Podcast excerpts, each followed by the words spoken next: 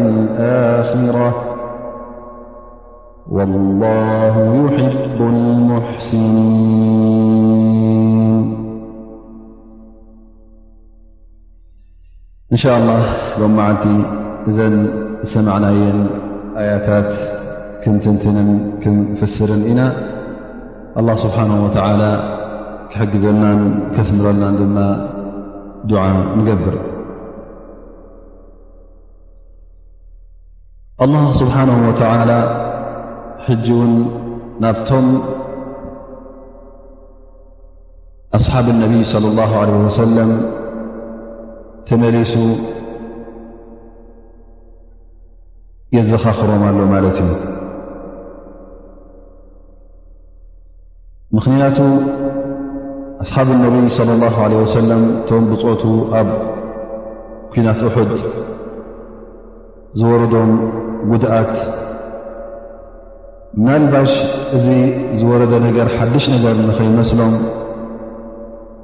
እሞ ኸዓ ንሕናስ ተኸተልቲ ነቢ ሙሓመድ صለ ላሁ ለ ወሰለም እንከለናስ ከመይ ገይሩ ዩ እዚ ጉዳይ እዚ ወሪዱና ንሕናስ ኣብ መንገዲ ሓቂ ዲና ዘለና እቲ ሒዝናዮ ዘለና ዲን እውን ቅኑዕ ዲን ቅኑዕ ሃይማኖት እንድዩ እሞ ከመይ ገይሩ ዝተረኪቡ ኢሎም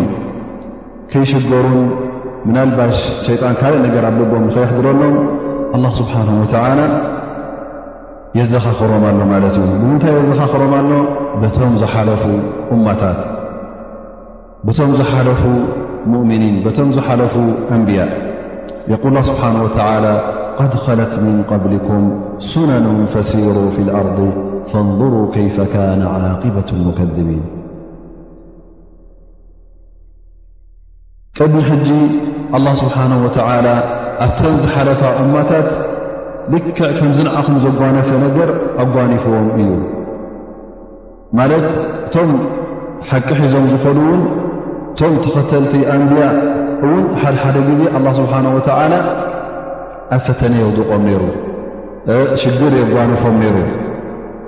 እዚ ኣላ ስብሓን ወተዓላ ባህርያዊ ተፈጥሮዊ ነገር ሱነት ላ ስብሓን ወተዓላ እዩ ገይርዎ ማለት ኣብዚ ዱንያ እንተ ደኣ ኣለኻ ኮንካ ግዴታ እዩ ወላ እውን መገዲ ሓቂ ሒዝካ ከለኻስ ኣላ ስብሓን ወተዓላ ገለ ዕንቅፋትን ገለ ሽግራትን ገለ ፈተናታትን ከጓነፈካ ከም ምዃኑ ስለዚ ኣንቱም ኣስሓብ ነቢ ኣንቱም ብፆት ነቢ ሙሓመድ ለ ላ ለ ሰለም ምልስ ኢልኩም ግልፅ ኢልኩም ንድሕሪ ገፅኩም ሲ እቲ ቅድሜኹም ዝነበረ እማታት ናብኡ ተዓዘቡ ኣላ ስብሓን ወተላ ፈሲሩ ፊ ልኣርብ ሰዋን ካን እዚ ጉዳይ እዚ ብእግርኻ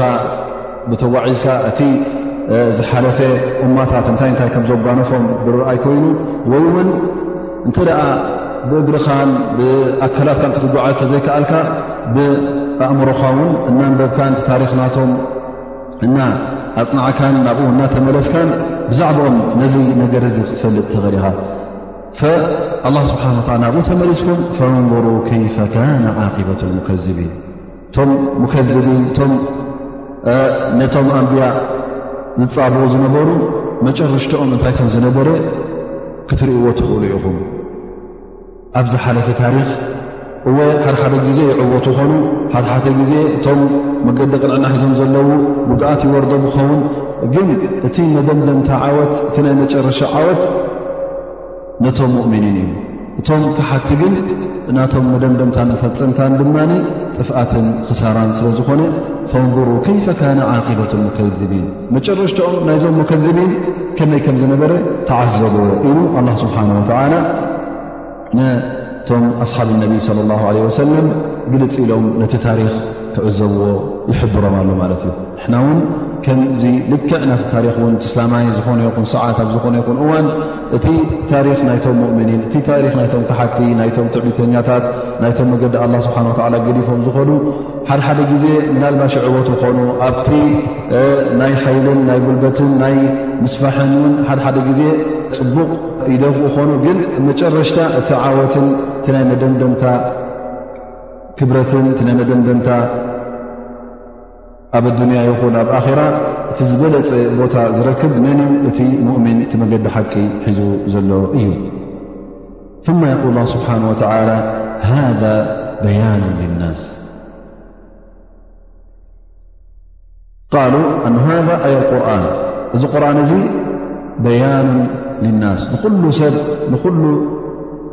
ኣላ ስብሓን ወተዓላ ዝፈጠሮ እዚ ቁርን እዚ መሕብርን መግለፅን እዩ ኩሉ ነገር ዘብርሃልካን ንኩሉ ነገር ከሽፉ ዝርእየልካ ከመይ ከም ዝነበረ እቶም ቀዳሞት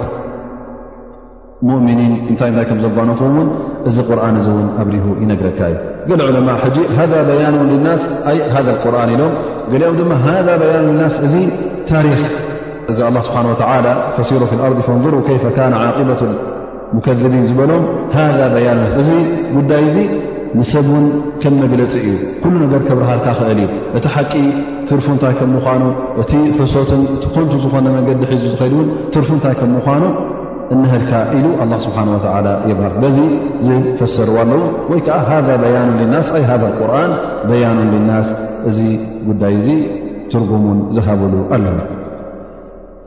እቲ ቁርን ን ንገዛእ ርእሱ እቲ ታሪክ ናይቶም ؤምኒን ታሪክ ናይቶም ክሓት ን ከመይ ከም ዝነበረ ጥቂሱና እዩ ፍርዖን እንታይ ከም ዘጓነፎ እቲ መጀመርያ እሱ ንጉስን ዝበዓል ዓብ መዝነትን ዓብ ሃገርን ሒዙ ነቶም ትሕትኡ ዝነበሩ ከም ድላዩ ጭኩኖምን ከም ድላዩ ቅጥቂጦምን ከም ድላዩ ኣረሜናዊ ዝኾነ ስርዓት ኣቑሙ ከም ድላዩ ፍፅም ከም ዝነበረ ይርእካ እዩ ግን እቲ ጉዕዞ ትርፉ ተዓወት ንሙሳ ሰይድና ሙሳ ነቶም ብኡ ዝኣመኑ በኒ እስራኤል ከም ዝኾነ ኣብ መጨረሻ እታ መዓል ብኡ ኣብ ኣዱንያ ብብሕማቕ ጠፊኡ ኣብ መጨረሻ እውን ዮም ቅያማ እውን እታ ሓዊ ጀሃንም ኮይና ማለት እዩ ሕጂ ናቶም ታሪክ እውን ናይ በዓል ፍርዖን ን ናይቶም ካልኦት ቅድሚኡ ዝነበሩ ብድሕሪኡ ዝመፁ እቶም ኣንቢያ እንታይ እንታይ ከም ዘጓነፎም እዎ ሽግር ኣጓነፎም ነይሩ ግን ኣብ መጨረሻ ዓወት ዝበፅሑ ከም ዝነበሩ እቲ ቁርን ንገዛእ ርእሱ ሓቢሩልካ እዩ ኣንታ ወዲ ሰብ ሃ በያኑ ልናስ ኣብዚ ሕጂ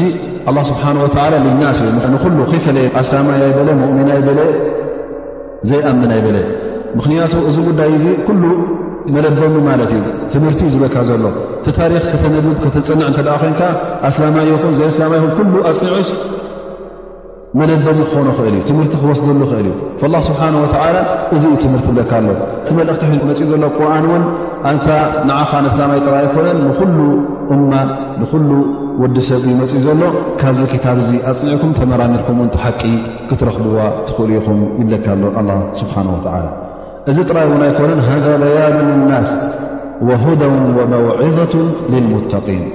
ግን ነቶም ሙተቒን ነቶም መገዲ ሓቂ ሒዞም ዝኸዱ እሶም ጥራይ ስለ ዝጥቀምሉ ኣላ ስብሓን ወተዓላ ብዝያዳ ንዕኦም እዚ ጉዳይ እዚ ሁዳ እዩ ማለት ንፁር ሓበሬታ ብሩህ ዝኾነ ሓበሬታ እዩ ናብ መገዲ ሓቂ ዝወስዶም ሓበሬታ እዩ ሁደን ሊቁሉብህም ነቲ ልቦም እውን ዘብርሃሎም መገዲ ሓቂ ዘርእዮም ወመውዒዘቱ ልልሙተቒን ነቶም ፈራሃት ኣላ ስብሓን ወተዓላ እውን ካብ እከይ ዝኾነ መንገዲ ካብ ሕማቕ ዝኾነ መንገዲ እውን ካብኡ ይኽልክሎምን ከም መለደምን ከም ስብከትን ኮይኑ መውዒዛ ዝህቦም እንታይ ዩ እዚ ቁርን እዚ ከምኡ ውን እቲ ዝበልናዮ ታሪክ ን ንገዛእ ርእሱ እቲ ታሪክ ናይተን ዝሓለፉ እማታት ን እ ዘጓንፎም ዝነበረ ምስ ረኣየ ውን ንገዛእ ርእሱ መውዒዛ ወይ ከዓ መለበሚ ይኾነካ እዩ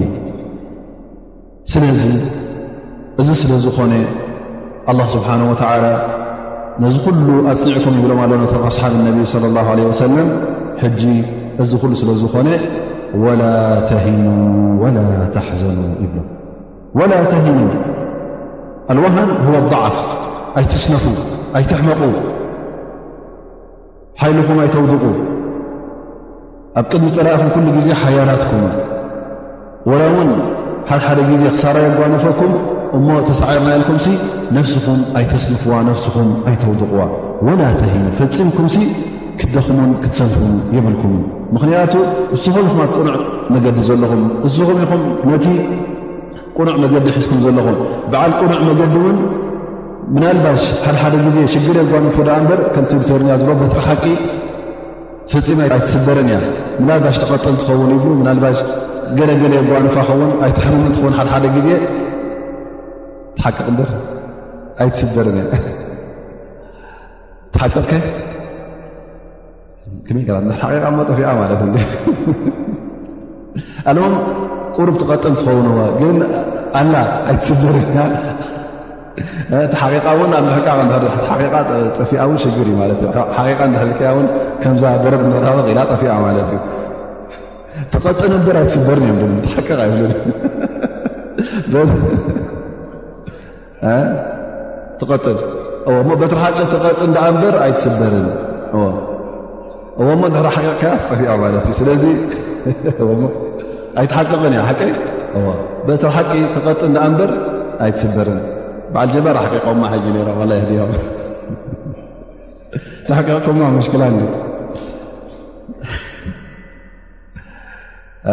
ስለዚ ከምኡ ስለ ዝኾነ ድማ ሓቂኹም ሕዝኩም ዘለኹም ወላ ተህኑ ኣይትስንፉ ኩሉ ግዜ ስንፍናስ ፈፂሙ ኣብ ልብኹም ክቐርብ የብሉን ወላ ተህኑ ወላ ተሕዘኑ ከምኡ ውን ፈፂሙ ክትጉህ የብልኩምን ጓሃ እውን ኣብ ልብኹም ክስምዓኩም የብሉን ሕጂ ስንፍና ናይ ምንታይ እዩ ናይ ጉልበት ኣብ ጉልበት ዝመፅእ ድኻን ማለት እዩ ሓዘን ድማ ኣብ ልቢ ዝመፅእ ስንፍና ማለት ተ ጓሂ ተሰሚዑካ ኣብ ልብኻ እዩ ዝኣቱ ማለት እዩ ስለዚ ኣብ ውሽጡኹምን ኣብ ግዳምኹምን ስንፍናን ድኽመትን ክርአ የብሉን ወላ ተሂኑ ወላ ተሕዘኑ ፈፂምኩም ውን ኣይትጓሃዩ ስለምንታይ ደይሰዓርና እቲ ናይ ፀላኢና ንብረት ስለምንታይ ንሕና ስዒርና ስለምንታይ ዘይማረኽናዮ ኣይትበሉ ስለምንታይ ኣብ መሬት ፀላኢና ዘይወሰድናልኩም እዚ ዓወት እዚ ካብ ኢድና ጠፊኡልኩም ውን ፈፂምኩም ክትጉሁ የብልኩምን ኣላ ስብሓን ወላ ቀዳማይ ነገር እሱ ዝቀደሮ እዩ ዝኸውን ካልኣይ ነገር እውን እዚ ሓንቲ ሓደ ግዜ ዘጓንፈኩም ሽግራት እውን ንዕኡ ክትርእዩ የብልኩምን እቲ ናይ መጨረሻ ዓወት ክትርእዩ ኣለኩም ወላ ተሂኑ ወላ ተሕዘኑ ስለምንታይ ወኣንቱም ኣዕለሙ ኩሉ ግዜ ልኡልነት ንዓኹም እዩ ክብሪ ንዓኹም እዩ ንስኹም በቲ ልኡል ኣላ ስብሓን ወላ ስለ ተኣምኑ ነቲ ልኡል ኣላ ስብሓን ወላ ሒዝኩም ስለ ዘለኹም ንኣላ ስብሓን ወላ ዝሓዘ ድማ ፈፂሙ ክሰንፍ የብሉን ፈፂሙ ክሓዝን የብሉን ኣብዛ ዱንያ ዝኾነ ይኹን ተጓኒፍኳውን ወላ እውን ሞት ወላ እውን ተቐተል እውን ናይ ኣላ ስብሓን ወላ ድልት ስለ ዝኾነ ክትቅበሎ ኣለካ ፈቲኻን ረዲኻን ክትቅበሎ ኣለካ ኩሉ ግዜ ትልብኻ ልኡልነት ክስምዖ ኣለዎ ምኽንያቱ ትሕዝካዮ ዘለካ መገዲ መገዲ ኣላ ስብሓን ወላ እዩ እቲ ኣሚንካሉ ዘለካ ጎይታ እቲ ልኡልን ሓያንን ዝኾነ ጎይታ እዩ ምናልባሽ እቲ ዘጓንፈካ ዘሎ ሽግራት ኣላ ስብሓን ወላ ክመምየካን ምናልባሽ ክፍትነካን ዘውርደልካ ይኸውን ኣሎ እዚ እውን ብሓቂ ከም መመይን መፈተንን እዩ ዝግበር ዘሎ ዳኣ እምበር ንኻልእ ነገር ኣይኮነን እቲ በዓል ሓቅን እቲ በዓል ኮንቱን ክፍለጥ መን ዩቲ ብሓቂ ነዛ መገዲ ሓቂ ሒዝዋ ዘሎ ምእንቲኣ ዝቃለስ ዘሎ ምእንቲ ኣይሉ ዝዋጋእ ምእንቲ ኣይሉ ህወቱ ዝሕልፍ ዘሎን መን ዩ ከቲ ዓወታት ጥራይ ርኡ ደድሕሪኻ ዝስዕብ ዘሎ ሽዑ ክምነ ክፍለጥ ኣለዎ ግዴታ እዚ እንተ ዘሎ ኮይኑ ኩሉ ሰብ እተ ኩሉ ግዜ ዓወት ኮይኑ እተ ኩሉ ግዜ ትስልምና ዝዕብል ኮይኑ ኩሉ ሰብ ወላ ነቲ እስልምና ዘይደሊ ነታ ዱንያ ዝደሊ እውን ደድሕርዛ እስልምና ዝመፅ እዩ ግን ኣላ ስብሓን ወተዓላ ኣብቲ እስልምና ቀፅልካ ክትከይድ ከለኻ ብልብኻ ብኩሉንትናኻ ክትኣትወ ዩ ዝደልየካ ዘሎ ዳኣ እምበር ጥራይ ዓወታት ንክትረክብን ናይ ኣዱንያ ረብሓ ንክትረክብን ድሕሪኡ ክትጓዓዝ ይደልየካ የለን ወላ ተሂኑ ወላ ተሕዘኑ ወኣንቱም ኣዕለውና እን ኩንቱም ሙእምኒን ምኽንያቱ እስኹም ብሓቀኛ ሙእምን እንተኾንኩም እቲ ሙእምን ሰብቲ ብኣላ ስብሓን ወላ ዝኣምን እውን ልኡል ስለ ዝኾነ ስለዚ እቲ መጨረሻ ዓወት እቲ ናይ መደምደምቲ ዓወት ናባኹም እዩ ኣንቱም ሙእምኒን ኣንቱም መገዲ ሓቂ ሒዝኩም ዘለኹም ኣስላም ኢሉ ኣላ ስብሓን ወተዓላ ነቶም ንፅወት ነቢና ሙሓመድ ለ ላ ለ ወሰለም በዚ ጉዳይ እዙ ካፍቲ ወሪድዎም ዝነበረ ሓዘንን ካፍቲ ዝስምዖም ዝነበረ ጓህን ኣላ ስብሓን ወተዓላ የዘናግዖምን የፀናንዖምን ኣሎ ማለት እዩ እዚ ሕጂ ከም ምፅንናዕ ኮይኑ ይቐርብ ማለት ብድሕሪ እዚ እውን ዝያዳ ኣላ ስብሓን ወተላ ከም መፀናንዒ እንታይ ይብል የቁል ላ ስብሓን ወተላ እን የምሰስኩም ቀርሑም ፈቐድ መሰል ቀውመ ቀርሑም ም እንታይ እዩ ዘጉህኩም ዘሎ ገለ ጉድኣት ረኺቡኩም ቁስላት ሽግር ናይ ምውጋእ ድዩ ኣጓኒፍኩም ገለ ሰባት ከባኹም ሞይቶም ድኦም እዚ ድኡ ንዓኹም ዝሸግረኩምን ዘጉሒኩምን ዘሎ እዚ ጉዳይ እዚ ንዓኹም ጥራይ ዝረኸበ ኣይኮነን እየምሰስኩም ቀርሑን ፈቐድ መሰል ቀውመ ቀርሑን ምሉ እሶም እውን መዓስ ኣብቲ ኩናት ክኣትዉ ከለዉ ከማኹም መዓስ እሶም እቲ ሞት ዘይቀረቦምን ዘይተንከፎምን ኮይኑ እሶም ይሞቱ እንደይ ኣለዉን እቶም ፀላእትኹም ይጉድኡ እንደ ኣለዉን ይቆስሉ እንደ ኣለዉን ንስኹም ግዳ መገዲ ሓቂ ሒዝኩም እቲ ካባኹም ዝቐተል ንጀና ክኸውን እቲ ዘይተቐትለ እውን ኣጅሪ ኣላ ስብሓን ወላ ክኸትበሉ እዚኦም ግዳ ሓንቲ ኢማን ዘይብሎም ሙሽርኪን ብእምንን ብምስምን ዝኣምኑ ምእንቱ ኢሎም እኳ ዝቃተሉ ዝዋግኡ ዘለዉ እታ ረብሓኦም ናይዛ ኣዱንያ ጥራይ እንከላ እዚ ኩሉ ህይወቶም ዘሕልፉላ ዘለዉ እመስኹም ደኣ ከመይ ጌርኩም ነዚ ጉዳይ እዙ ትጥምትዎ ኣለኹም ላ ስብሓን ወላ ኣብ መዛዘመ ኣለካ እዚ እኳ ንኾንቱ ነፍሲ ዘሕልፍ ዘሎ እስኻ ግዳ ንኣላ ልካ ስብሓን ወላ ንፍቶት ኣላ ንሪኢዳ ኣላ ልካ ነፍስኻ ትሕልፍ ዘለኻ እዘን እንተ ደኣ ወላ እውን ብእምሮኻ ቅሩብ ሕስብ ኣቢልካዮ እቲ ጉዳይ እስኻ ዕውት ኮንካ ኢኻ ትረክብ እየምሰስኩም ቐርሑን ፈቐድ መሰል ቆውማ ቐርሑን ምሉ ቅድሚ ሕጂ ኣብ ኩናት በድር እንተ ደኣ ተመሊስኩም ኣብኡ ብዕፅፊ ዝኾኑ ሰብዓ ክሞት ከለዉ ካብቶም ፀላእትኹም ሰብዓ እውን ኣሲርኩም ኢኹም ሕጂ ንስኹም እወ ካብኹም ሰብዓ ዝኾኑ ተቐቲሎም ኣለዉ ካብኦም ውን ዳርጋ 35 ዝኾኑ ተቐቲሎምዎም ማለት እዩ ኣብ ርእሲኡ እውን ዝቆሰሉ ኣለዉ ከምቲ ኣባኹም ውን ዝቆሰሉ ዘለዉ ስለዚ እሶም ውን እቲ ኩናት ክኣትዎ ከሎ ፀላኢኻ ውን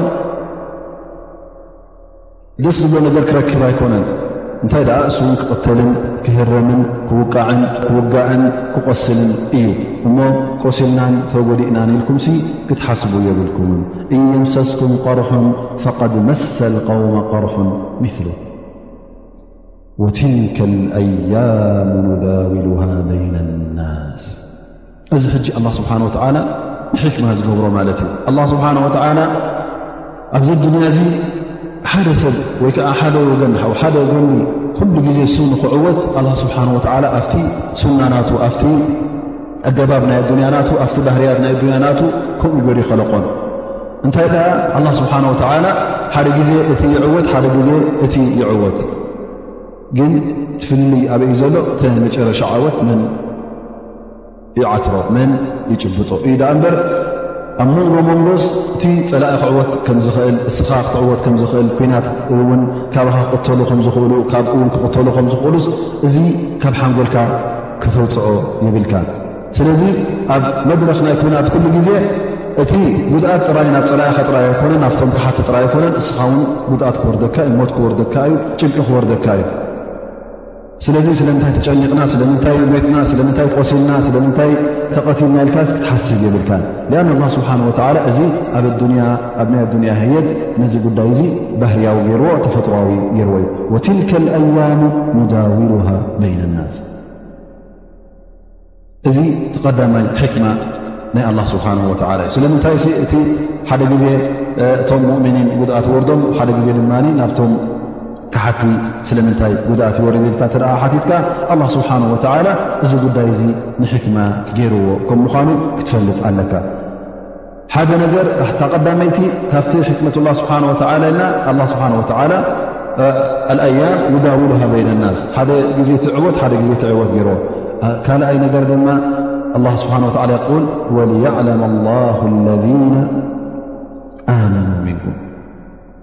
እዚ ጉዳይ ድማ እዚ ናይ ምድፍፋእ ዝርከብ ኣብ መንጎ ሙዓስከር ናይቶም ሙእምኒን ሙዓስከር ናይቶም ክሓትን ኣላ ስብሓን ወተዓላ እውን መን እዩ እቲ ብሓቂ በዓል ሰብርን በዓል ኢማንን ብኣላ ስብሓን ወተዓላ ኣሚኑ ቅጥ ዝብል ንኽፍለ ኣብ ቅድሚ ኣላ ስብሓን ወተዓላ ውን ንኽረአ ኣብ ቅድሚ ህዝቢ እውን ንኽረአ ዝገበሩ እዩ ከምቲ ዝበልናዮ መናልባሽ ኩሉ ግዜ ዓወት ዝደኣ ኮይኑ ወላ እውን ብሓቂ ኢማን ዘይብሉ ሰብ ደድሕርቶም ሙእምኒን ደድሕርቶም ኣስላም ክስዕብ ስለ ዝኽእል ኣላ ስብሓን ወተዓላ ክመም እዮም ምእንቲ መን እዮም እቶም ብሓቂ ኢማን ዘለዎምን እቶም ናይ ብሓቂ ኢማን ዘይብሎምን ንኽፍለጡ ኣላ ስብሓን ወተዓላ እዚ ጉዳይ እዚ ዝለይ ኩናት ናይ ምድፍፋእ ገይርዎ ማለት እዩ ኣብ ርእሲኡ ኸ ኣብ ርእሲኡ ድማ የቁል ስብሓን ወተዓላ ወየተኺዘ ምንኩም ሹሃዳ ስለምንታይ ኣላ ስብሓን ወተዓላ እቲ ቕታል ፈሪዱና ስለምንታይ ኣብ ኩናት ከም ንቕትል ገይሩና ስለምንታይ ኣን ላ ስብሓን ወተዓላ ካባኻትኩምሲ ካብቶም ሙእሚኒን ሓቀኛ ኢማን ዘለኩምሲ ሸሃዳእ ዝበሃሉ ሰባት ንኽርከቡ እዚ ሸሃዳ ንገዛእ ርእሱ እዚ ዝወሃብ ሸሃዳ ምእንቲ ምንታይ እዩ ምእንቲ ኣላ ስብሓን ወላ ስለ ዝኾነ ዓብ ክብሪ ስለ ዝኾነ እሞ ካባኻትኩም ኣብ ዮም ኣቅያማ ብሉፃትን ክቡራትን ዝኾኑ ሰባት ምእንቲ ክርከቡ ኣነ ሸሃዳ ኣዕለ መናዝል እቲ ዝዓበየ ቦታ ዝረክብ ኣብ ዮም ኣቅያማ መን እዩ ትጀና ዝኣቱ ሸዳ እዮም ላ ስብሓን ወላ እዚ ንገዛእ ርእሱ ንዓኹም ምና ክብረትን ኣብ ርእሲኡ እውን ርህራሀ ናይ ኣላ ስብሓን ወ ከም ምዃኑስ ክትርስዑ የብልኩም ኣ ስብሓ ወላ ኣብዚ ጉዳይ እዚ ምእንቲ ኣላ ስብሓ ወ ኢልኩም ክትመቱ ከለኹም ምሩፃት መሪፅኩም ከም ምዃኑስ ክትርስዑ የብልኩም ኣላ ስብሓን ወላ ፀሊኡኩም ኣይኮነን ኣብኡ ዘጥፋእኩም ዘቕትለኩም ዘሎ ሩሕካ ብኡ ዝጠፍእ ዘሎስ ፀሊኡካ ኣይኮነን እንታይ ደኣ እምብዛ ፈትውካ ማለት እዩ ኣብዚ ከም ዝኣመሰለ ቦታ ምእንቱ ኢልካ ነፍስኻን ሂወትካን ክትሕልፍ ከለኻ ምናልባሽ ኣብ ኣዱንያ ይፍለጠካ ንኸውን ግን ኣብ ዮውም ቅያማ እቲ ዝበለፀ ቦታ ክትረክብ ከለኻ እንደገና ትምነ ኣንታ ረቢ ኣነስ ንኣዱንያ እንደገና ተትመልሰኒ ካልኣይ ግዜ ፊ ሰብልላ ክተዝመውት ኢልካ ትምነየሉ ጉዳይ እዩ ፈፂሙ ሰብ ካልኦት ዝምነ ሰብ የለን ዝኾነ ይኹን ሰብ ንድሕር ጀናኣት እዩ ኣልሓምዱላ ካብዛ ድንያ ተገላገልኩ እዩ ዝብል እለ ሸሂድ ምእንቲ ኣላ ስብሓን ወላ ሸሂድ ዝኾነ እዚ ሰብ እዚ ኣልወሒድ ለ እቲ ሓደ ሰብ ንድንያ ንክምለስ ዝምነ ምንቲ ምንታይ ኣ እታ መቐረት ናይታ ሸሃዳ ስለ ዝጠዓማ እታ ክብሪ ናይታ ሸሃዳ ስለ ዝጣዓም ፈላ ስብሓን ወተዓላ ካባኻትኩም ካብቶም ሙእምኒን ካብቶም ንኣላ ስብሓን ወላ ዝኣምኩም ካብቶም ፈርሃት ኣላ ስብሓን ወተዓላ ኣብዚ ክቡር ዝኾኑ ቦታ ንክብፅሓኩም እዩ እዚ ጉዳይ እዚ ንክትገብሩ ኣዚዘኩም ኣብዚ ቦታ እዚ ኣብዚ ዓውዲ ኩናት ከዓ ንክትመቱ ዝገበረ እዚ ንገዛእ ርእሱት ሸሃዳ ዓብዪ ብልፀት ከም ዘሎ ወየተኺደ ምንኩም ሸሃዳ ወላሁ ላ ይሕቡ ዛልሚን ኣላ ስብሓን ወተዓላ እውን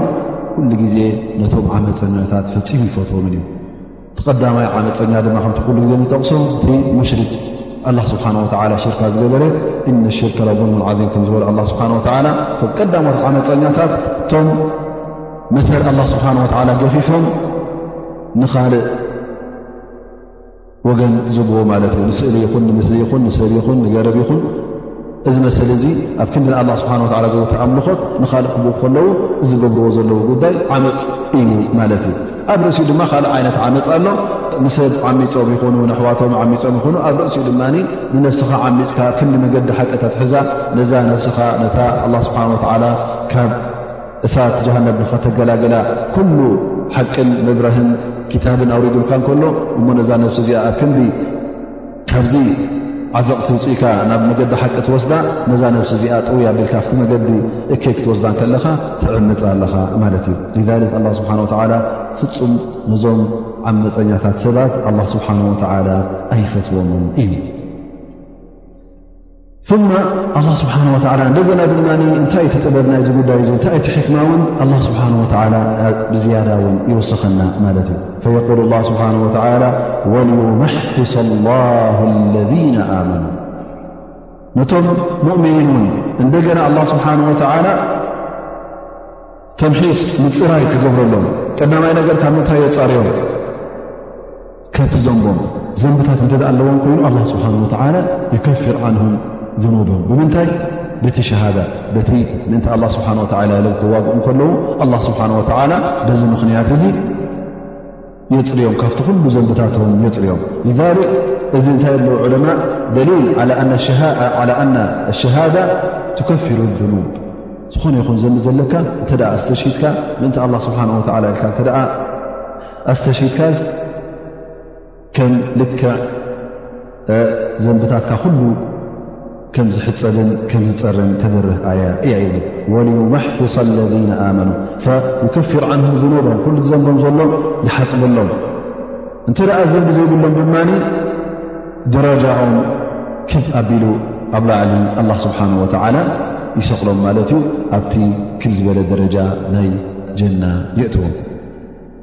እዚ እውን እንታይ እዩ ወዩመሒሰ ለذነ ኣመኑ ኣብ ምንታይ ዝርከብ ማለት እዩ ኣብቲ ናይ ጎንፂ ኣብ መንጎኻ ናፍቶ ኣብ መንጎኻ ሓቲ ዝርከብ ዘሎ ጎንፂ እዚ ይርከብ ማለት እዩ ካልእ ወገንከ ወየምሓቀ ልካፊሪን ኣላ ስብሓን ወተዓላ ኣብቲ ጎንፂ እውን ክርከብ ከሎ እዞም ሰባት እዚኦም ኣላ ስብሓን ወተዓላ ሓደ ሓደ ግዜ ነቶም ካሓቲ ዓወት ክቦም እንከሎ እዞም ሰባት እዚኦም ትዕቢት ስለ ዝስምዖም ሓደ ሓደ ግዜ እተ ተዓዊቶም ኣብ ሓቂና ዘለና ክንዕወት ኢና ኢሎም ስለ ዝኣምኑ ኣብቲ ዘለዎ እምነት ቀጥ ይብሉ ማለት እተ ክሓቲ ኮይኖም ሕጂ ናይ ብሓቂ ክሕደት ስለ ዘለዎም ኣብቲ ክሕደቶም ይቕፅሉ ማለት እዩ እቲ ብሓቂ ኢማን ዘለዎ ድማ ኣብታ መገዲ ኢማን ቀጥ ይብል ሽዑ ኩሉ እቲ መስርዕ ናይቶም ሙእምኒን ምስተፈለየን ቶም መስርዕ ናይቶም ብሓቂ ሓቲ ምስ ተፈለየ ኣላ ስብሓን ወተዓላ በዚ ኩናት እዚ የምሓቀ ልካፍሪን ኣይ ዩህሊከሁም ወዩቢደሁም ዓን በክረቲ ኣብይህም ማለት የጥፍኦም ማለት እዩ ፈፂሞም እውን ኣብዚ ዓለም ብሰላም ንኸይነብሩ ኣብቲ ዓውዲ ኩና እተ ኣትዮም ኣላ ስብሓን ወተዓላ ብኢድቶም ኣመንቲ ገይሩ ንኹሎም ከም ዘጥፍኦምን ከም ዘህልቆምን ኣላ ስብሓን ወተዓላ የብርህ ማለት እዩ ስለዚ እዚ ጉዳይ እዚ ነዚ ከም ዝኣመሰለ ሕክማታት ከም ተረኽበ እቲ ኣብ ኩናት ውሑት ተረኽበስ ሓድሽ ነገር ከም ዘይምዃኑ ኣላ ስብሓን ወተላ የብርሃሎም ኣሎ እቲ ተረኺቡ ዘሎ ጉዳይ እውን ንሕክማ ከም ምዃኑ ኣላ ስብሓን ወተላ ሱቅ ኢሉ ዝገበሮ ነገር ኣይኮነን እዚ እስከመይ ገይር እዩ ተረኺቡ እንታይ ኢሉ እዩ ተረኺቡ እንታይ ጥቕሚ ኣለወልኩምሲ ንኸይ ትሓስቡ ኣላ ስብሓን ወተዓላ ናቱ ጥበብ ኣለዎ ካብቲ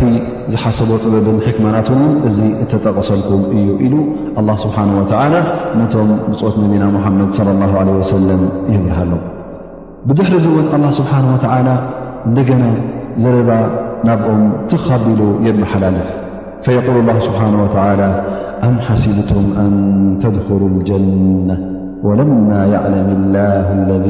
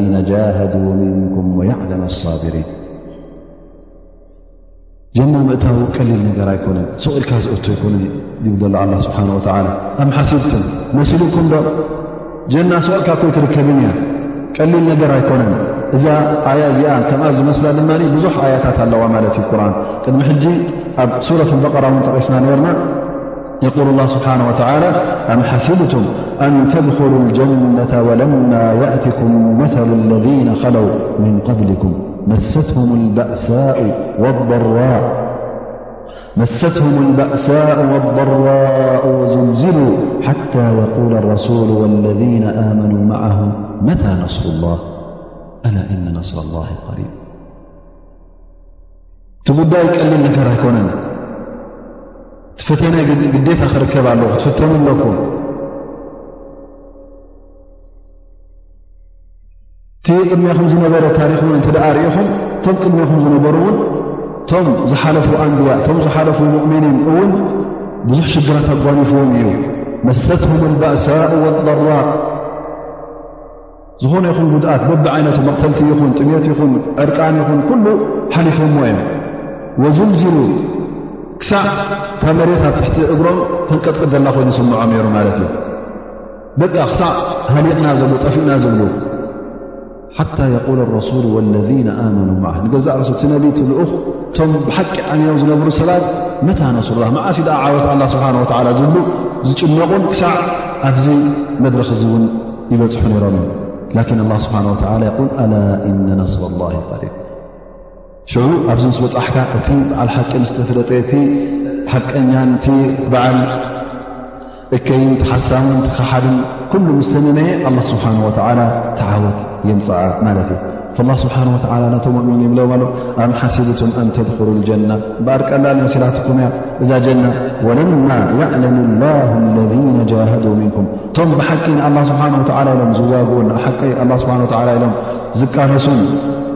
ዝቃተሉን ነፍሶም ዘጥፍኡን ክሳዕ እዚኦም ዝምነዩ ኣላ ስብሓን ወተዓላ ስቕ ኢሉ ጀና ኣየእትወኩም እዩ ወያዕለመ ኣሳቢሪን እቶም ብሓቂ እውን እቲ ኹሉ ሽግር እናጓነፎም ከሎ እቲ ኹሉ ዕንቅፋታት እናጓነፎም ከሎ እቲ ኹሉ እሾ እናጓነፎም ከሎ እቲ ኹሉ ሽንጥሮታት ንኹሉ ዕንቅፋታት ሰጊሮም ብትዕግስቲ ናብቲ መገዲ ኣላ ስብሓን ወተዓላ ዝቕፅሉን እታ መገዲ ሓቂ ሒዞም ዝኾኑ ሰባትን ክሳዕ እዚኦም ዝበርሁን ዝንመዩን ኣላ ስብሓን ወተዓላ ሱቕ ኢሉ ንዝኾነ ሰብ ገፊፉ ንጀና ዘእቱ ኣይኮነን ምኽንያቱ እታ ጀና ክብርቲ እያ ነቢ ስ ሰለም የቁሉ ሕፈት ልጀነቱ ብልመካርህ ወሕፍት እናር ኣ ጀሃንም ናር ጀሃንም ብሸሃዋት ኩሉ ግዜ እታ ጀና ብቐሊል ነገር ትርከብ ኣይኮነትን ክቡር ነገር ክትረክብ እተ ኮይንካ ልኡል ነገር ክትረክብ እተ ኮይንካ ግዴታ መስዋእትነት ክትከፍል ኣለካ ግዴታ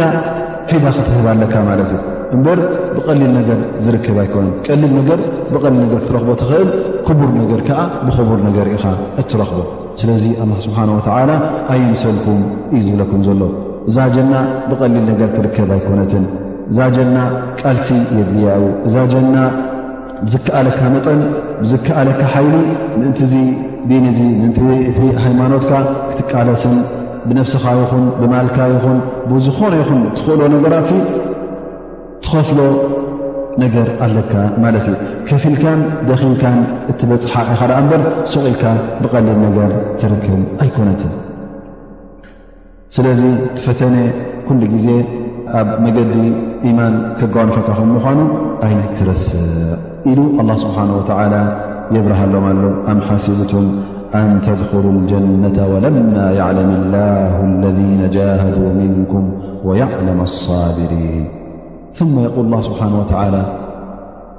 እንደገና ነቶም ኣስሓብ ነቢ ለ ላ ለ ወሰለም እቶም ኣብ ኩናት እሑድ ተጨነቑ ከመይ ገይር እዚ ጓኒፉና ዝበሉ እቲ ኣብኡ ተረኽበ መቕተልቲ ዘሰንበዶም ነዞም ሰባት እዚኦም ኣላ ስብሓን ወተዓላ የዘኻኽሮም ኣሎ ማለት እዩ ኩናት ከይኣተው ከለዉ እንታይ የብሉ ነይሮም እንታይ ዓይነት ዘረባ ዛረቡ ነሮም እንታይ ትምኒት ነይርዎም ሕጂ ኩናት ምስ ኣተዉኸ ከመይ ኮይኑ ትጉዳዮም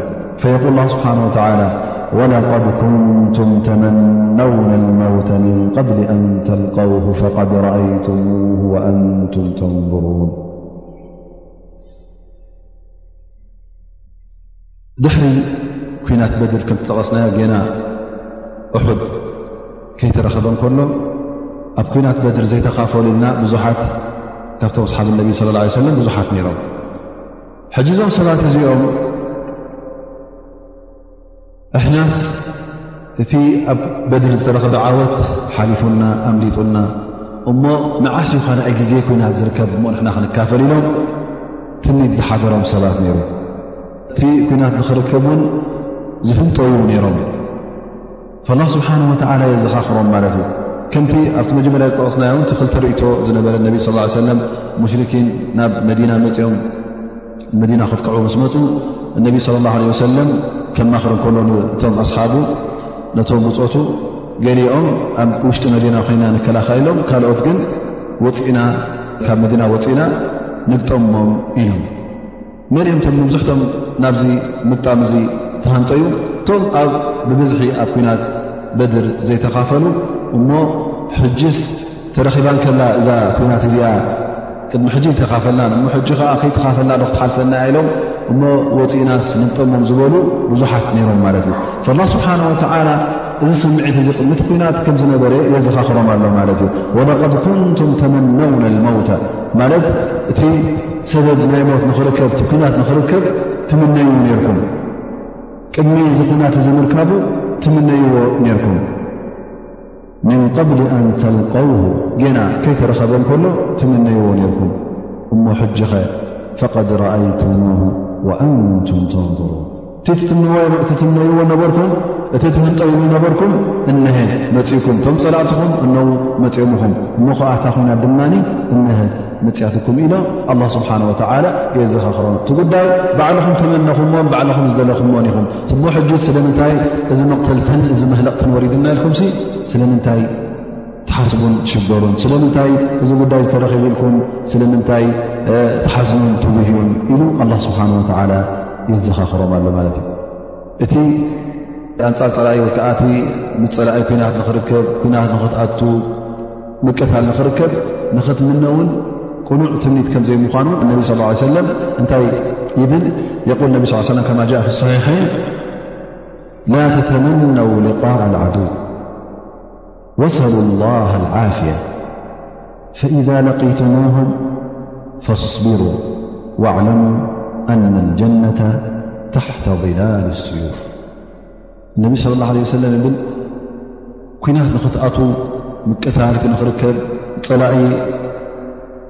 ንፀላኢ ክትጓነፁስ ኩሉ ግዜ ኣይትተነዩ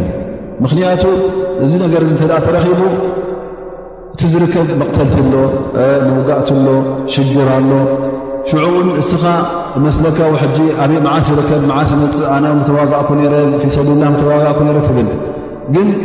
እቲ ሽዑ ኣብቲ ኩናት ምስኣትኻ እንታይ ከም ዘጓንፈካ ኣይትፈልጥን ኢኻ ምናልባሽ ትሞት መቕተልቲ ምስርኣኻ ትሃድም ትኸውን ወተወሊ ዮውመ ዛሓፍ እዚ ካብቲ ዝዓበየ ካብቲ ከባኢሮ ዝብሉ ስለዚ ኣብዚ ከምዚ ንኸይትወድቕ እውን ነዚ ጉዳይ እዚ ክትምነዮ የብልካ እንተ ተረኺቡ ኸ እተ ተረኺቡ ፈስቢሩ ትዕግስትን ሰብርን ጌርካ ምህዳም የላን ሸዓ ላተተመነው ሊቃር ዓዱ ወሰሉ ላ ዓፍያ ኣላ ስብሓን ወተላ ካብዚ ነገር እዘን ክርሐቀኩም ክድሕነኩም ሕተትን ጥለቡን ዱዓ ትገብር ማለት እዩ እንተ ተረኪቡኸ እንተ ተገዲድካኸ እቲ ጉዳይ እዚ ብዘይ ኮናት ዘይፍታሕ እተ ኮይኑኸ ተስቢቅ ብኮናት ክፍታሕ ኣለ ኮናት ትፈታሕ ሽዑ ሰድሪ ጌርካ ትዕግዝቲ ጌርካ ኣንፃር ጥራኢኻ ትገጥም ዋዕላሙ ኣነ ልጀነ ታሕተ ላል ስዩ ከምኡ ውን ትፈልጥዎ ዘለኩም ታጀና ኩሉ ግዜ ኣብ ምንታይ እያ ትርከብ ኣብ ትሕቲ ፅላናይ ትሕቲ ፅላናይ ሰፍ እንታይ ማለት እዩ ምኽንያቱ እታ ሴፍ ሕጂ ክትመፅእ ከላ ብርእስኻ እያ ትመፀጋ ሕጂ ትፅላለት ናታ እንድሕር መፅያትካ ንሕርታ ሴፍ ሃሪማትካ ኣብ ጀና ኣለኻ ማለት እዩ ዋዕለሙ ኣነ ልጀነተ ታሕተ ላል ሴፍ ማለት ብሰቢል ላ ኢ ዝቕተል ሰብሲ ንጀና ከም ምዃኑ ኣላ ስብሓ ኣነቢ ስ ሰለም የብርሃልና ኣሎ ማለት እዩ እንታይ እቲ ቐንዲ ነገር ሕጂ እቲ እቶም ሰሓባ ዝምነይዎ ዝነበሩ ጉዳይ ምስ ኣብራሃና ኣላ ስብሓን ወተላ እውን ትትምነይዎ ዝነበርኩም ረኺብኩሞ እታ ሞት ኹም ትትምኩም ፈቐድ ረኣይትሞ ልክዕ ሞት ኣይትረኣይን እያ ግን ኣላ ስብሓን ወተላ ብዝያዳ ነቲ ነገር እቲ ከጋንኖ እታ ሞት ባዕላ ርእኹማ ንገዛእ ርእሳ እተ ኣብ ኩናት ኣትኻ ጥይት በዚ ጭውጩ ኢላ ክትሓልፍ ከላ እታ ሞት ዝተረፈ የብላ ማለት እዩ ላስ ኣብ መንጎኻን ኣብ መንጎ ሞትን ዳርጋታ ሞት ብዓይንኻ ትሪኣ ዘለኻ ማለት እዩ ፈቓድ ረኣይቱ ኣስባበ ሞት እቲ ሞት ዘምፅ ነገር ብዓይንኹም ርኢኹም ሴፍ ብልዕሌኹም ብልጭ ብልጭ ክብል ርኢኹምሞ ገሊኹም ውን ተሃሪምኩም ንመውጋእቲ ድሒንኩም ካልኦት ውን ዝሞት ኣለዉ ፈቐድ ረኣይቱሙ እቲ ኩሉ ዓውዲ ኩናት ምስ ተኸፈተ እታ ሞት እውን ርኢኹማ ኢኹም ወኣንቱም ተንظሩን ብዝያዳ ነቲ ነገር እቲ መረጋገፂ እውን ኣላ ስብሓን ወተላ ፈቐድ ረኣይቱም እቲ ምርኣይ እውን ብዓይንኹም ኣብ ማለት ሲ ተነጊርኩም ኣይኮነን ሰሚዕኩም ኣይኮነን ተማሂርኩሞ ፈሊጥኩሞ ማለት ኣይኮነን እንታይ ደኣ ፈቐድ ረኣይቱም ብማዕና ብዓይንኹም ሲ እታ ሞት ርኢኹማ ኢኹም ኢሉ ኣላ ስብሓን ወተላ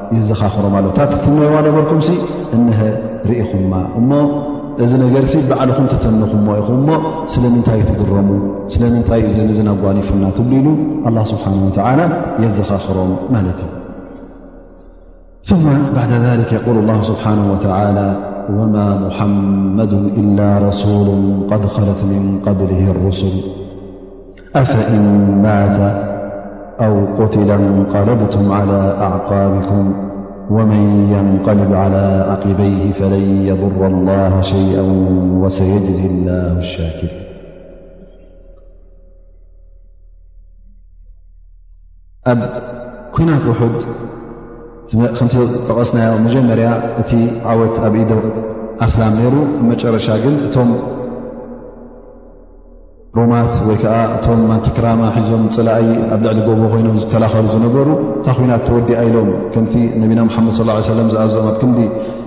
ኣፍታ ቦታኦም ዝፀንዑ ካብኣ ምስ ወረዱ እቲ ዓወት ኣብ ክንዲ ምስተመስላም ዝነበረ ናብ መን ከይዱ ማለት እዩ ናብቶም ሙሽርኪን ናብኦም ከይዱ ማለት እዩ እሞ ሽዕኡ ክፀቕጡ ጀሚሮም ብዙሓት ካብቶም ኣስላም ን ተቐቲሎም እነቢ ስለ ላ ለ ወሰለም ን ንገዛእ ርእሶም ኣብ ገፆም ይኹን ተሃሪሞም ስኖም ተሰይሩ ግንባሮም ን ተሃሪሞም ማለት እዩ እዚ ኩሉ ደም ወፂኦም ነይሮም ማለት እዩ እዋን እዚ ሕጂ እንታይ ተሰሚዑ ማለት እነቢ ስለ ላ ሰለም ቁትላ ሙሓመድ ዝብል ድምፂ ተሰሚዑ ማለት እዩ እዚ ድምፂ እዚ ገለ ዑለማ እብሉ ሸይጣን ኣብ መንጎ ዘውፅኦ ድምፂ እዩ ቁትላ ሙሓመድ ዝብል ተሰሚዑ ሓደ ድማ ነይሩ እብኒ ቀሚኣ ዝበሃል ካብቶም ሙሽርኪን ንነቢና ሙሓመድ ስለ ላ ለ ሰለም እሱ እቲ ዝጎድኦም ወይከዓ እቲ ዘቑሰሎም ማለት እዩ እዚ ሰብ ድማ ንዑ ሰርባነ ንሙሓመድ ቀትለዮ ኢሉ ናብኦም ተመሊሱ ማለት ስለዚ እቲ እንታይ ተሰሚዑ ማለት እዩ ኣብቲ መዓስከር ናይ እስላም ይኹን ኣብቲ መዓስከር ናይቶም ሙሽርኪን ነቢና ሓመድ ስለ ላ ሰለም ተቐትሉ ዝብል ዘረባ ተሰሚዑ ማለት እዩ እዚ ምስ ተሰምዐ ጠ ቶም ኣስሓብ ነቢ ለ ላ ሰለም እዚ ምስ ሰምዑ ሕጂ ፍርቆም እንታይ ክኸውን ጀሚሩ ሓመድ ስ ሰለም ነቢ እተ ተቐትሉ ካድም ጀሚሩ ማለት እዩ እዚ ሕጂ ፍርቆም ድማ በቃ ተስፋ ክቆርፁ ጀሚሮም ማለት እዩ ብድሕሪ ነቢና ሓ ሰለ እንታይ ክንዋጋዕ ኢሎም ተስፋ ክቆርፁ ጀሚሮም ግን ገሊኦም ድማ ኣንፃር እዚ ሓደ ካብቶም ሙሃጀሪን ኣብቲ ዓውዲ ኩናት ማለት ይሓልፍ ነይሩ ማለት እዩ ሓደ ካብቶም ኣንሳር ካብቶም ሰብ መዲና ነቢና ሓመድ ስ ሰለም ዘዕቀቡ ማለት እዩ ኣብቲ ኩናት ተካፈለ ተወጊኡ ደም ፈስስ ነይሩ ማለት እዩ ክሓልፍ እንከሎ ሕጂ ይፅውዖ ማለት ፈቃትሉ ዓን ዲኒኩም እተ ሰይድና መሓመድ ተቐትሉስ እታ ዋጅቡ ገይሩ ማለት እዩ ግን ንስኹም ድማ ምእንቲ ዲንኩም ኢልኩም ምእንትኡስ ተዋግኡ ቓትሉ ኢሉ ይነግሮ ይዋሰዮ ማለት እዩ ሕጂ እዛ ኣያ እዚኣ እንታይ ተርኢ ዘና እቲ ጉዳይ ተረኽበ ምስ ገለፀት ኣላ ስብሓን ወተላ የብርሃሎም ኣሉማት እስኹም ኣንቱም ሙእምኒን ሙሓመድ ለ ላ ለ ወሰለም ወማ ሙሓመዱን እላ ረሱል ሙሓመድ صለ ላه ለ ወሰለም እኮ ነቢ ልኡኽ ናይ ኣላ ስብሓን ወተላ ጥራይ እዩ ቐድ ኸለት ምን ቀብሊ ሩሱል እቶም ኩሎም ቅድሚኡ ዝነበሩ ልኡኻት ውን ሞይቶም እዮም ስለዚ ሰይድና ሙሓመድ ዓለ ሰላት ወሰላም መዋእሉ ክነብርሲ ዝብል ሓሳብ ክህልወኩም የብሉ እሱ እንተ ደኣ ሞይቱ ትዲን ሞይቱ ማለት ኣይኮነን እሱ እንተ ተቐትሉ ትዲን ተቐትሉ ማለት ኣይኮነን እንታይ ማለት እዩ ትቐንዲ ነገር ክትሕዝዎ ዘለኩም እንታይ እ ትመትከል እዩ እኣ እምበር እቲ መራሒ ምናልባሽ መውት ምናልባሽ ይኸይድ ምናልባሽ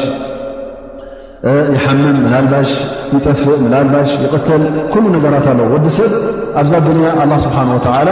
ፍሉይ ዕድመ እዩ ገይሩሉ ግን እቲ መትከልካ እቲ ድንካ እቲ ሃይማኖትካ ፈፂሙ ክጠፍእ የብሉን እስኻ ውን እቲ መፂእኳ ዘሎ መልእኽቲ ንኣላ ስብሓን ወተዓላ ከተምልኽን ነቲ ዲን ከቐጥ ኣቢልካ ክትሕዝ ድኣ እምበር እንተ ደኣ ነቢ ኣሎ ንዕኡ ክትስዕብ ተዘየሎ ነቲ ዲን ክትገድፎ ማለት ኣይኮነን ላ ስብሓን ወተዓላ የዘኻኽሮም ኣሎ ወማ ሙሓመድን ኢላ ረሱሉን ቐድ ኸለት ምን ቐብሊሃ ረሱል እቶም ቅድሚኡ ዝነበሩ ልኡኻት ኩሎም ብስማቶም ተጠቒሶም ኹም እዮም ኩሎም ውን እታ ኣላ ስብሓን ወላ ዝኣዘዞም እታ መልእኽቶም ኣብፂሖም ከምታ ኣላ ስብሓን ወላ ዝኸተበሎም ብመዓልቶም መይቶም እዮም ስለዚ ኣፈኢን ማታ ኣው ቁትላ እሞ ሰይድና መሓመድ እንተ ደኣ ተቐትሉ ወይ ከዓ እንተ ደኣ መይቱስ እስኹም ንድሕሪት ትምለሱ ኣፈኢን ማታ ኣው ቁትላ እንቀለብቱም ዓላ ኣዕቃቢኩም ኣብቲ ዝነበርኩምዎ ሽርክን ኣብቲ ዝነበርኩምዎ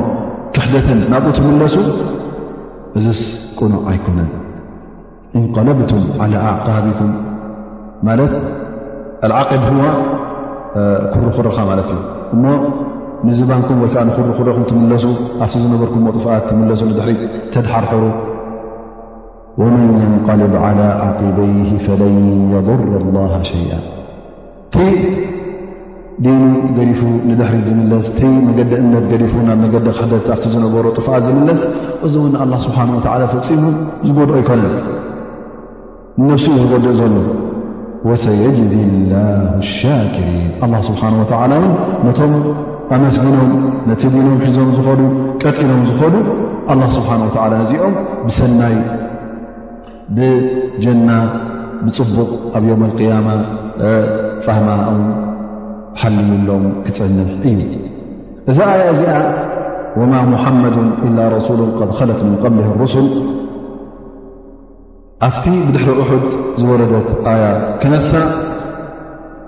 ኣብቲ ዝነበረ ጉዳይ ተጠቒሳህሎም እንከላ ነዛ ኣያ እዚኣ እውን ዳርጋ ኣብቲ ነቢና መሓመድ ለ ላ ለ ሰለም ዝሞተሉ እዋን እቶም ኣስሓብ ነቢ ንገዛእ ርእሶም ነዛ ኣያ እዚኣ ውን ዳርጋ ረሲዖማ ነይሮም እዮም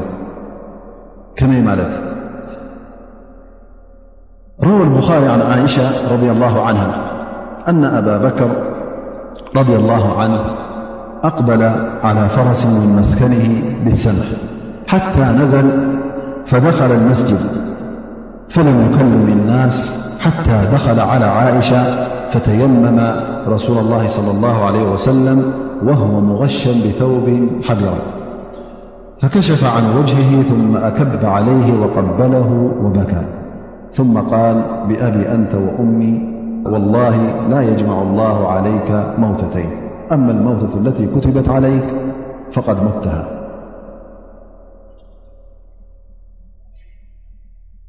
بعد ذلك أنته لمال أ برأبو بكر خرج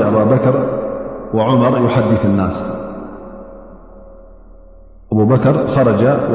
يحدث الناس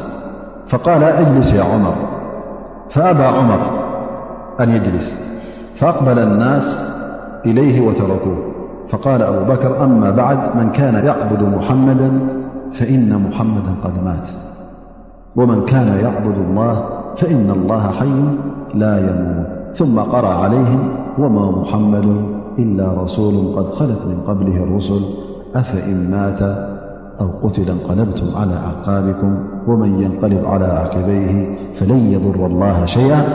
وسيجزي الله الشاكرين يقول بن عباس فوالله لكأن الناس لم يعلموا أن الله أنزل هذه الآية حتى تلاها أبو بكر فتلقاها الناس منه كلهم فما سمعها بشر من الناس إلا تلاها وسعيد بن مسيب يقول أن عمر قال لما سمع هذه الآية والله ما هو إلا أن سمعت أبا بكر تلاه فعقرت حتى ما تقلني رجلي ሓታ ሃወይቱ ኢለ ኣር እዚ ጉዳይ እዚ ቤት ረክበ እዩ ኣብቲ ነቢና ሓመድ صለ ه ሰለም ዝሞትሉ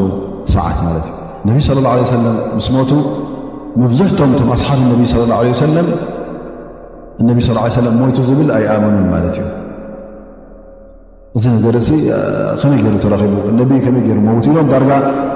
ኣይኣመኑን ገዛ ርሱ ሰይድና ዑመር ነቢ ሙሓመድ ስ ሰለም ሞይቱ ዝብል እተ ሰሚዐ ብሴፍ ገረ ክሳዶ ቆርፀ የብል ነይሩ ማለት እዩ እነቢ ስ ሰለም ልክዕ ከም ዒሳ ርሖም ዓሪጋላ ክትምለስ እያ ኢሉ ዝብል ዘረባ ውን ኣውፅኡ ማለት እዩ ኣብበከር ረድ ላ ዓንሁ ኣብ ውሽጢ መዲና ይነበሩን ካብ መዲና ውፅእ ዝበለ ፍቲ ከባቢ መዲና ነሮም ማለት እዩ ገዝኦም ፍቲ ሰንሕ ብሰንሕ ዝበሃል ቦታ ኣብኡ ነይሮም ማለት እዩ ምስተነገሩ ሕጂ ይመፁ ማለት እዩ ሰይድና ኣብበከር ረድ ላ ዓንሁ ፈነዘለ ሓታ ደኸለ መስጅድ መስጅድ መፅኡ ንሓደ ሰብ ን ኣይተዛረበ ናብ መስጊድ ወሪዱ ካብታ መስጊድ ናብ ይክዳ ኣሎ ማለት እዩ ናብ ገዛ ነቢና ሓመድ ስ ሰለም እ ገዛ ናይ ዓይሻ ኣብኡ ስለ ዝነበሩ ናብኡ ይኸይድ ማለት እዩ ፈናብ ነቢና ሓመድ ሰለም ቀሪቡ ነቢና ስ ሰለም ተሸፊኖም ነሮም ማለት እዩ ፈኣቡበከር መፅኡ ነታ ተሸፊኖማ ነበረት ኣንሶላ ይኸሽፎም ማለት እዩ ገፆም ምስ ረኣየ ናብ ነቢና ሙሓመድ ስ ለ ሰለም ደኒኑ ይስዕሞም ይበክን ማለት እዩ ፈየቁል ብኣቢ ኣንተ ወእሚ ኣቦይን ኣደይን ፊዳኻ ይኹኑ እታ ኣላ ስብሓን ወተዓላ ዝኸተበልካ ሓንቲ ሞት መፅኣትካላ ግን ብድሕሪ ሕጂ ኣላ ስብሓን ወተዓላ ኣየሞተካን እዩ እታ ተኸተበት ሞት ግን እነሀት መፅኣትካ ይብል ድሕሪ እዚ ካብኣ ካብታ ገዛ ወፅኡ ደገ ምስ ወፀ ተመትሓፍ ነቢ ስ ሰለም ተ ኩሎም ተኣኪቦም ነይሮም ማለት እዩ ትመስጊድ ምስ ገዛ ሰይድና ዓይሻ ብሓደ ስለ ዝነበረ ዑመር እዛረብ ነይሩ ማለት ሽ ኣብበከር ረ ላ ን ንዑመር ኮፈል ይብልዎ ማለት እዩ ሱቕበል ኮፈል ይብ ኣብበከር ሰይድና ዑመር ዘረብኡ ቅፅል ማለት እዩ ደዋ ይበለን እቶም ሰባት ሕጂ ናብ መን ይመፁ ኩሎም ንሰይድና ኣበከር ምስ ዩ ናብ ሰይድና ኣበከር ይመፁ ማለት እዩ ንሰይድና ዑመር ይገድፍዎ ማለት እዩ ኣባ ኣቡበከር ተሲኦም ሕጂ ኣማ ባዓድ ኣዮሃናስ ዝብሉ እቲ ንሙሓመድ ስለ ላ ለ ሰለም ዝግዛእ ዝነበረ ሰብ እንተ ኣ ሎ ኮይኑ ንነቢና ሓመድ ስ ሰለም ዘምልኽ ንዕኡ ከም ጎይታ ከም ኣላ ገይሩ ዝሪኦ ዝነበረ እንተ ኣሎ ኮይኑ መሓመድ ስለ ላ ለ ሰለም ሞይቶም እዮም እቲ ንኣላ ስብሓን ወተላ ዘምልኽ ዝነበረኸ ፈኢና ላ ሓዩን ላ የሙት ንኣላ ስብሓ ወላ ዘምልኽ ዝነበረ እዚ ድማ ኣላ ስብሓን ወተላ ፈፂሙ ዝመውት ኣይኮይነን ህየተኛ ጎይታ እዩ ስለዚ እቲ ጎይታናቲ ኣላ ስብሓን ወተላ ብህየቱ ኣሎ እቲ እንኣምነሉ ጎይታና ኣሎ እቲ ኣላ ስብሓን ወተላ ዝኣዘዘና ንዑ ክንክተልደ ኣለና ኣ እምበር ነቢና ሓመድ ስ ሰለም እታ ኣላ ስብሓን ወላ ዝኸተበሎም ትእዛዝ ዝኸተበሎም ዕድመ ኣእኪሎም መይቶም ኣለዉ ስለዚ እዛ እዚኣ ምስ በለ እንታይ የምፃሎም ማለት እዩ ደሊል የምፃሎም ማለት ካብ ቁርን ፈየል ኣላ ስብሓን ወላ ኣብ ክታቡስ እዛ ኣያ እዚኣ እንዶ የላን ወማ ሙሓመዱ ኢላ ረሱሉ ቐድ ኸለት ምን ቀብሊ ሩሱል ትብልታ ልሙዓት ዝቐረእና ኣያ እዛ ኣያ እዚኣ ምስ ቐርኣሎም ሕጂ ኩሎም ይፈዙ ማለት እዩ ቅድሚ ሕጂ እውን ዳርጋ ዘይሰምዕዎ ኮይኑ ይስምዖም ምኽንያቱ እቲ ዝነበርዎ ናብራ ምስቲ ነቢና ሓመድ ስ ሰለም ኩሉ ግዜ ምስ ሓደ ሰብ ክትነብር ከለኻ መዋእልካ ትነብር ዝመስለካ ብዝያዳ ድማ ድሕር ትፈትዎ ሰብ ነይሩ ኮይኑ እዚ ነገራት እዚ ርኢኻ ሕጂ ኩሉ ግዜ ድሞት ኣይመስለካን እዩ ሕጂ ኣብ ክም ዝኣመሰለ መድረኽ በፂሖም ዳርጋ ነዚ ኣያ እዚኣ ውን ረሲዖማ ነይሮም ማለት እዩ ግን ሰይድና ኣብበከር ምስ ዘዘኻኸሮም ኩሎም ነዚ ኣያ እዚኣ ክኸርቅዎ ጀሚሮም ኩሎም ውን እቲ ጉዳይ ሞት ናይ ነቢና ሙሓመድ ስ ሰለም ሓቂ ከም ምዃኑ ሽዑኡ ተረዲእዎም ማለት ንገዛእ ርእሱ ዑመር ብን ጣብ ረላ ዓን እዛ ኣያ እዚኣ ክትቅረእ ምስ ሰማዕክዋ ኢሉ እግረይ ንገዛእ ርእሱ ፈጥፈጥ ኢሉ ረመሽ ኢለ ይወድቕ እብል ማለት እዩ እግረይ እውን ክስከማኒ ኣይከኣላን ክሳዕ ኣብ መሬት ድዋዕ ኢለ ዝወድቕ እብል ማለት እዩ እቲ ጉዳይ ተኣያ ምሰምዐ ሕጂ እቲ ሓቂ እንታይ ከም ምዃና ሻኣ በፂሓቶ ማለት እዩ እንታይ ዘርእየና ዘሎ ሕጂ ኣላ ስብሓን ወተዓላ እቲ ጉዳይ ምስ ነቢ ሙሓመድ ለ ላ ሰለም ዝተኣሳሰረ ኣይኮነን ምስ ሰብ ዝተኣሳሰረ ኣይኮነን እንታይ ደኣ እቲ መትከልቲ ኣላ ስብሓን ወላ ዝኣዘዘካ እቲ ድንካ ንዕኡ ቀጥ ኣቢልካ ክትሕዘ ኣለካ እንተ ደኣ ሰይድና ሙሓመድ ሞይቶም እተ ሰይድና ሙሓመድ ተቐትሎም ኣብ ኩናት ይኹን ወይ እውን ኣብ ገዝኦምሲ ካብቲ ድንኩም ፈልከት ክትብሉ የብልኩምን ኢሉ ኣላ ስብሓን ወተዓላ ብድሕሪ ኩናት ውሑድ ፅሩዕ ሕጂ ንገዛእ ርእሱ እቲ ሕክማ ናይዚ ኩናት እዚ እቲ መስዓርኦም እቲ ናይ ነቢና ሙሓመድ ስ ሰለም መቕሰልትን መውጋእትን እቲ ኣብ ግዜ እሑድ ተረኽበ እነልካ እውን ኣብ ግዜ ሞቶም ውን ከም ዝጠቐመ የብርሃልና ማለት እዛ ኣያ እዚኣ ሽዑ ዝወረደት እቲ ሽዑ ዝወሰድዎ ተመክሮ እቲ ሽዑ ዝወሰድዎ መለበሚ ንምንታይ ኮይኑዎም ማለት እዩ ሕጂ ንሞት ነቢና ሙሓመድ ስለ ላ ሰለም ንገዛእ ርእሶም ኣብቲ ሒዞሞ ዝነበሩ መርገፅን ኣብቲ ሒዞሞ ዝነበሩ ዲንን ቀጥ ክብሉ ክኢሎም ማለት እዩ እሞ ነቢና ሙሓመድ ስለ ሰለም ሞይቱ ኢሎም ፍሕ ብትን ክብሉ ይጀመሩ እንታይ ደኣ ቀጥ ኢሎም ኣብቲ ኣላ ስብሓን ወላ ዝኣዞም ኣብቲ ነቢና ሓመድ ስ ሰለም ዝገደፎም መርገፅ ኣብኡ ቀጥ ኢሎም ማለት እዩ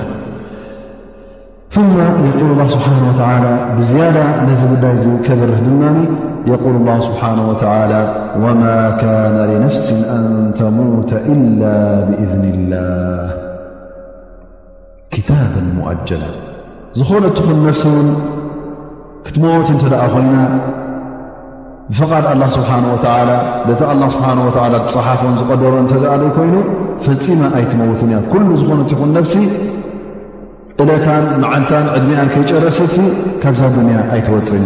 እዩ ዝኾነት ትኹን ነፍሲ እውን መፈፀምታን መደምደምታን መዓልቲ ኣለዋ ኣጀል ኣለዋ እታ ትውድኣላ ዕምሪ ኣለዋ ወማ ካነ ነፍሲ ኣንተሞተ ኢላ ብእዝኒ ላህ ክታብ ሙኣጀላ ኣብ ካልእ ኣያ ውን ኣላ ስብሓን ወላ ይብል ወማ ይዓመሩ ምን ሙዓመርን ወላ ዩንቀሱ ምን ዕሙር ኢላ ፊ ክታብ ዝኾነ ይኹን ሰብ ዕድኡ ይናሕ ብትን ብክልተትን ወላ ውን ይቆፀር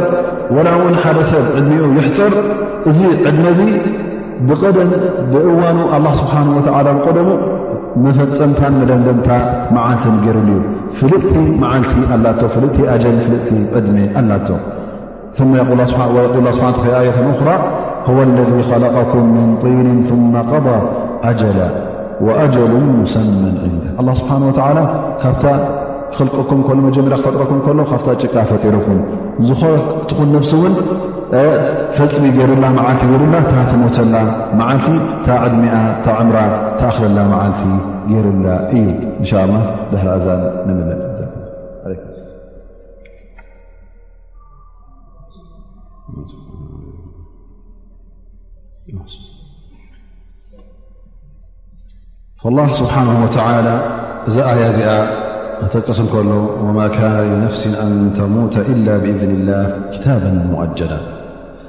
ቀዳማይ ነገር እቶም ኣብ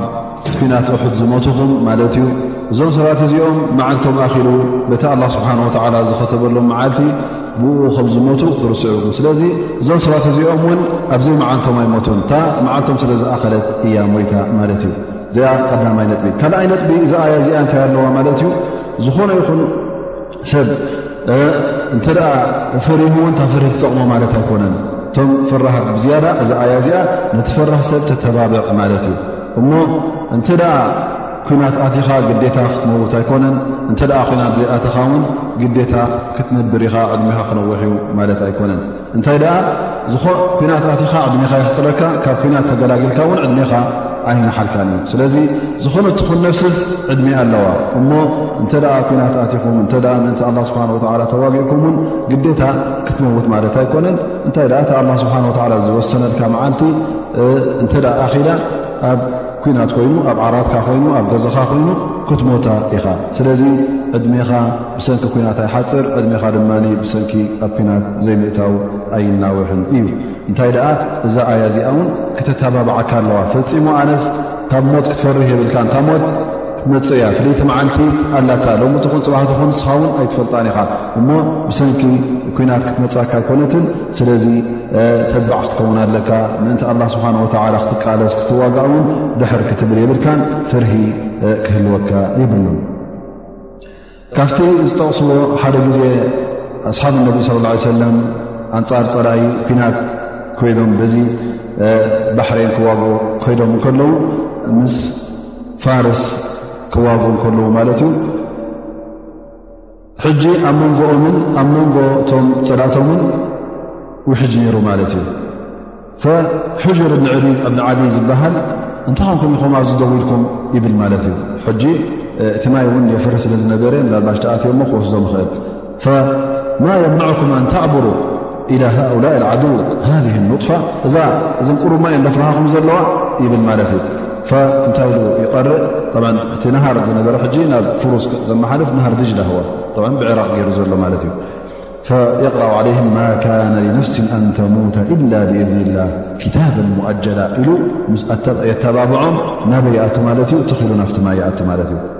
እሱ ምስ ኣተወ ኩሎም እቶም ዝሪኡ ዝነበረ ሰራዊት ኩሉ ይኣቱ ማለት እዩ ላ ስብሓን ወላ ሕጂ እሉ እዚ ማይ እዚ ኣላ ስብሓን ወተዓላ እውን ከም በረድ ጃምድ ወይ ከዓ የርግኣሎም ማለት እዩ ሕጂ ክሰግርዎ ይጅምሩ ፀላእ ብኦም ምስ ረኣዮም ሕጂ እንታይ ብ ፈለማ ረኣኹም ዓደው ቃሉ ዲዋን ዲዋን ዲዋን ማለት ብፋርስያ ወይ ብህንድያ ዕፍሪት ወይ ከዓ እዚኦም ዓፋሪት እዮም መፅኦም ናሸጣዊ ነበረ ሰብ ኣይኮኑን ኢሎም ፀላኢ ሕጂ ይሃድም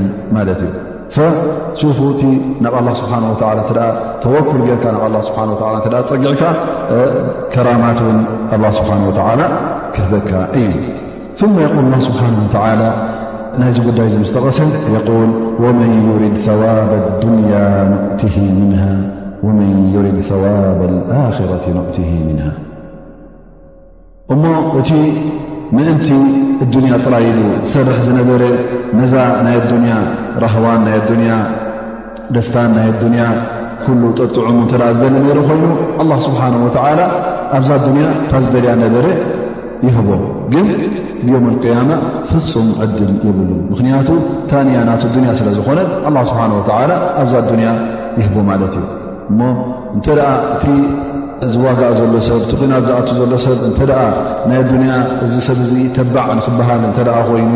ወይ ውን ሽመት ደልዩ እተ ኮይኑ ወይ ውን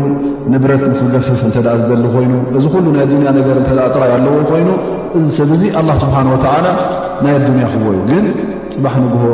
ኣብ ዮም ልቅያማ ዝፅበዮ ፃማ የለን እንታይ ደኣ ብኣንፃሩ እቶም መጀመርያ ኣላ ስብሓን ወተዓላ እሳት ዘባርዓሎም ሓደ ካብኦም መን ይኸውን ማለት እዩ እቲ ሙጃህድ ተባሂሉ ኣነ ፊ ሰብልላ ዝዋግኣ ዘለኹ እናበለ ግን ብልቡ ሰብልላ ዘይኮነ እንታይ ደኣ ምእንቲ ሽመትን ምእንቲ ናይ ኣዱንያ ጥቕምን ናይ ኣዱንያ መስልሓ ዝደሊ ሰብ እዚ ሰብ እዚ ኣላ ስብሓን ወተዓላ እታ ናይ ኣዱንያ ክቦዩ ኣብ ዮም ልቅያማ ግን ፈፂሙ ዕድል ወይ ከዓ ስቆታ የብሉን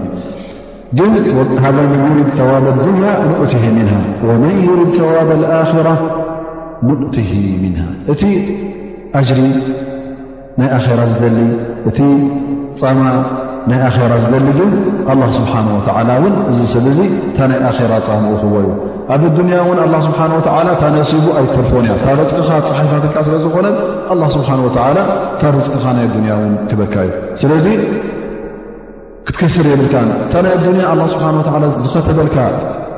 ርዝቂ ፍፂም ኣይተርፈካን እያ እሞ ኩሉ ድልየትካን ኩሉ ቃልስኻን ኩሉ ሃንቀውታኻንሲ ናበይ ክኸውን ኣለዎ ናፍቲ ናይ ኣኼራ ብልፅግና ናይ ኣኼራ ፅቡቕ ነገራት ንኽትረክብ ናብኡ ክተድህል ኣለካ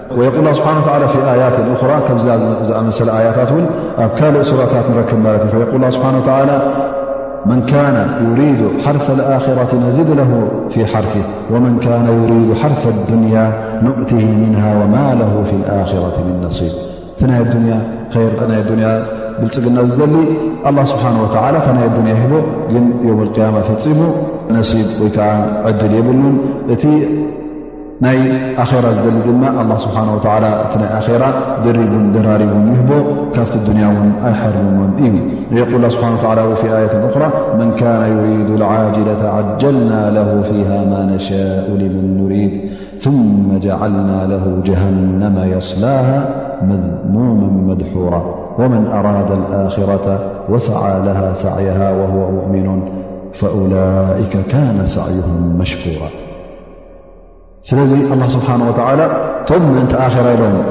ዝቃለሱ ምእንቲ ናይ ኣኼራ ፃማ ኢሎም ላዓልን ታሕትን ዝብሉ ምእንቲ ናይ ኣኼራ ኢሎም ነፍሶምን ጉልበቶምን ገንዘቡን ዘጥፍ ኣላ ስብሓን ወተዓላ እዞም ሰባት እዚኦም ኣመስገንቲ ስለ ዝኾኑ ኣብ ዮም ኣልቅያማ ኣላ ስብሓን ወተዓላ እውን ካብቲ ፈድሊናቱ ካብቲ ፀጋናቱ ነዞም ሰባት እዚኦም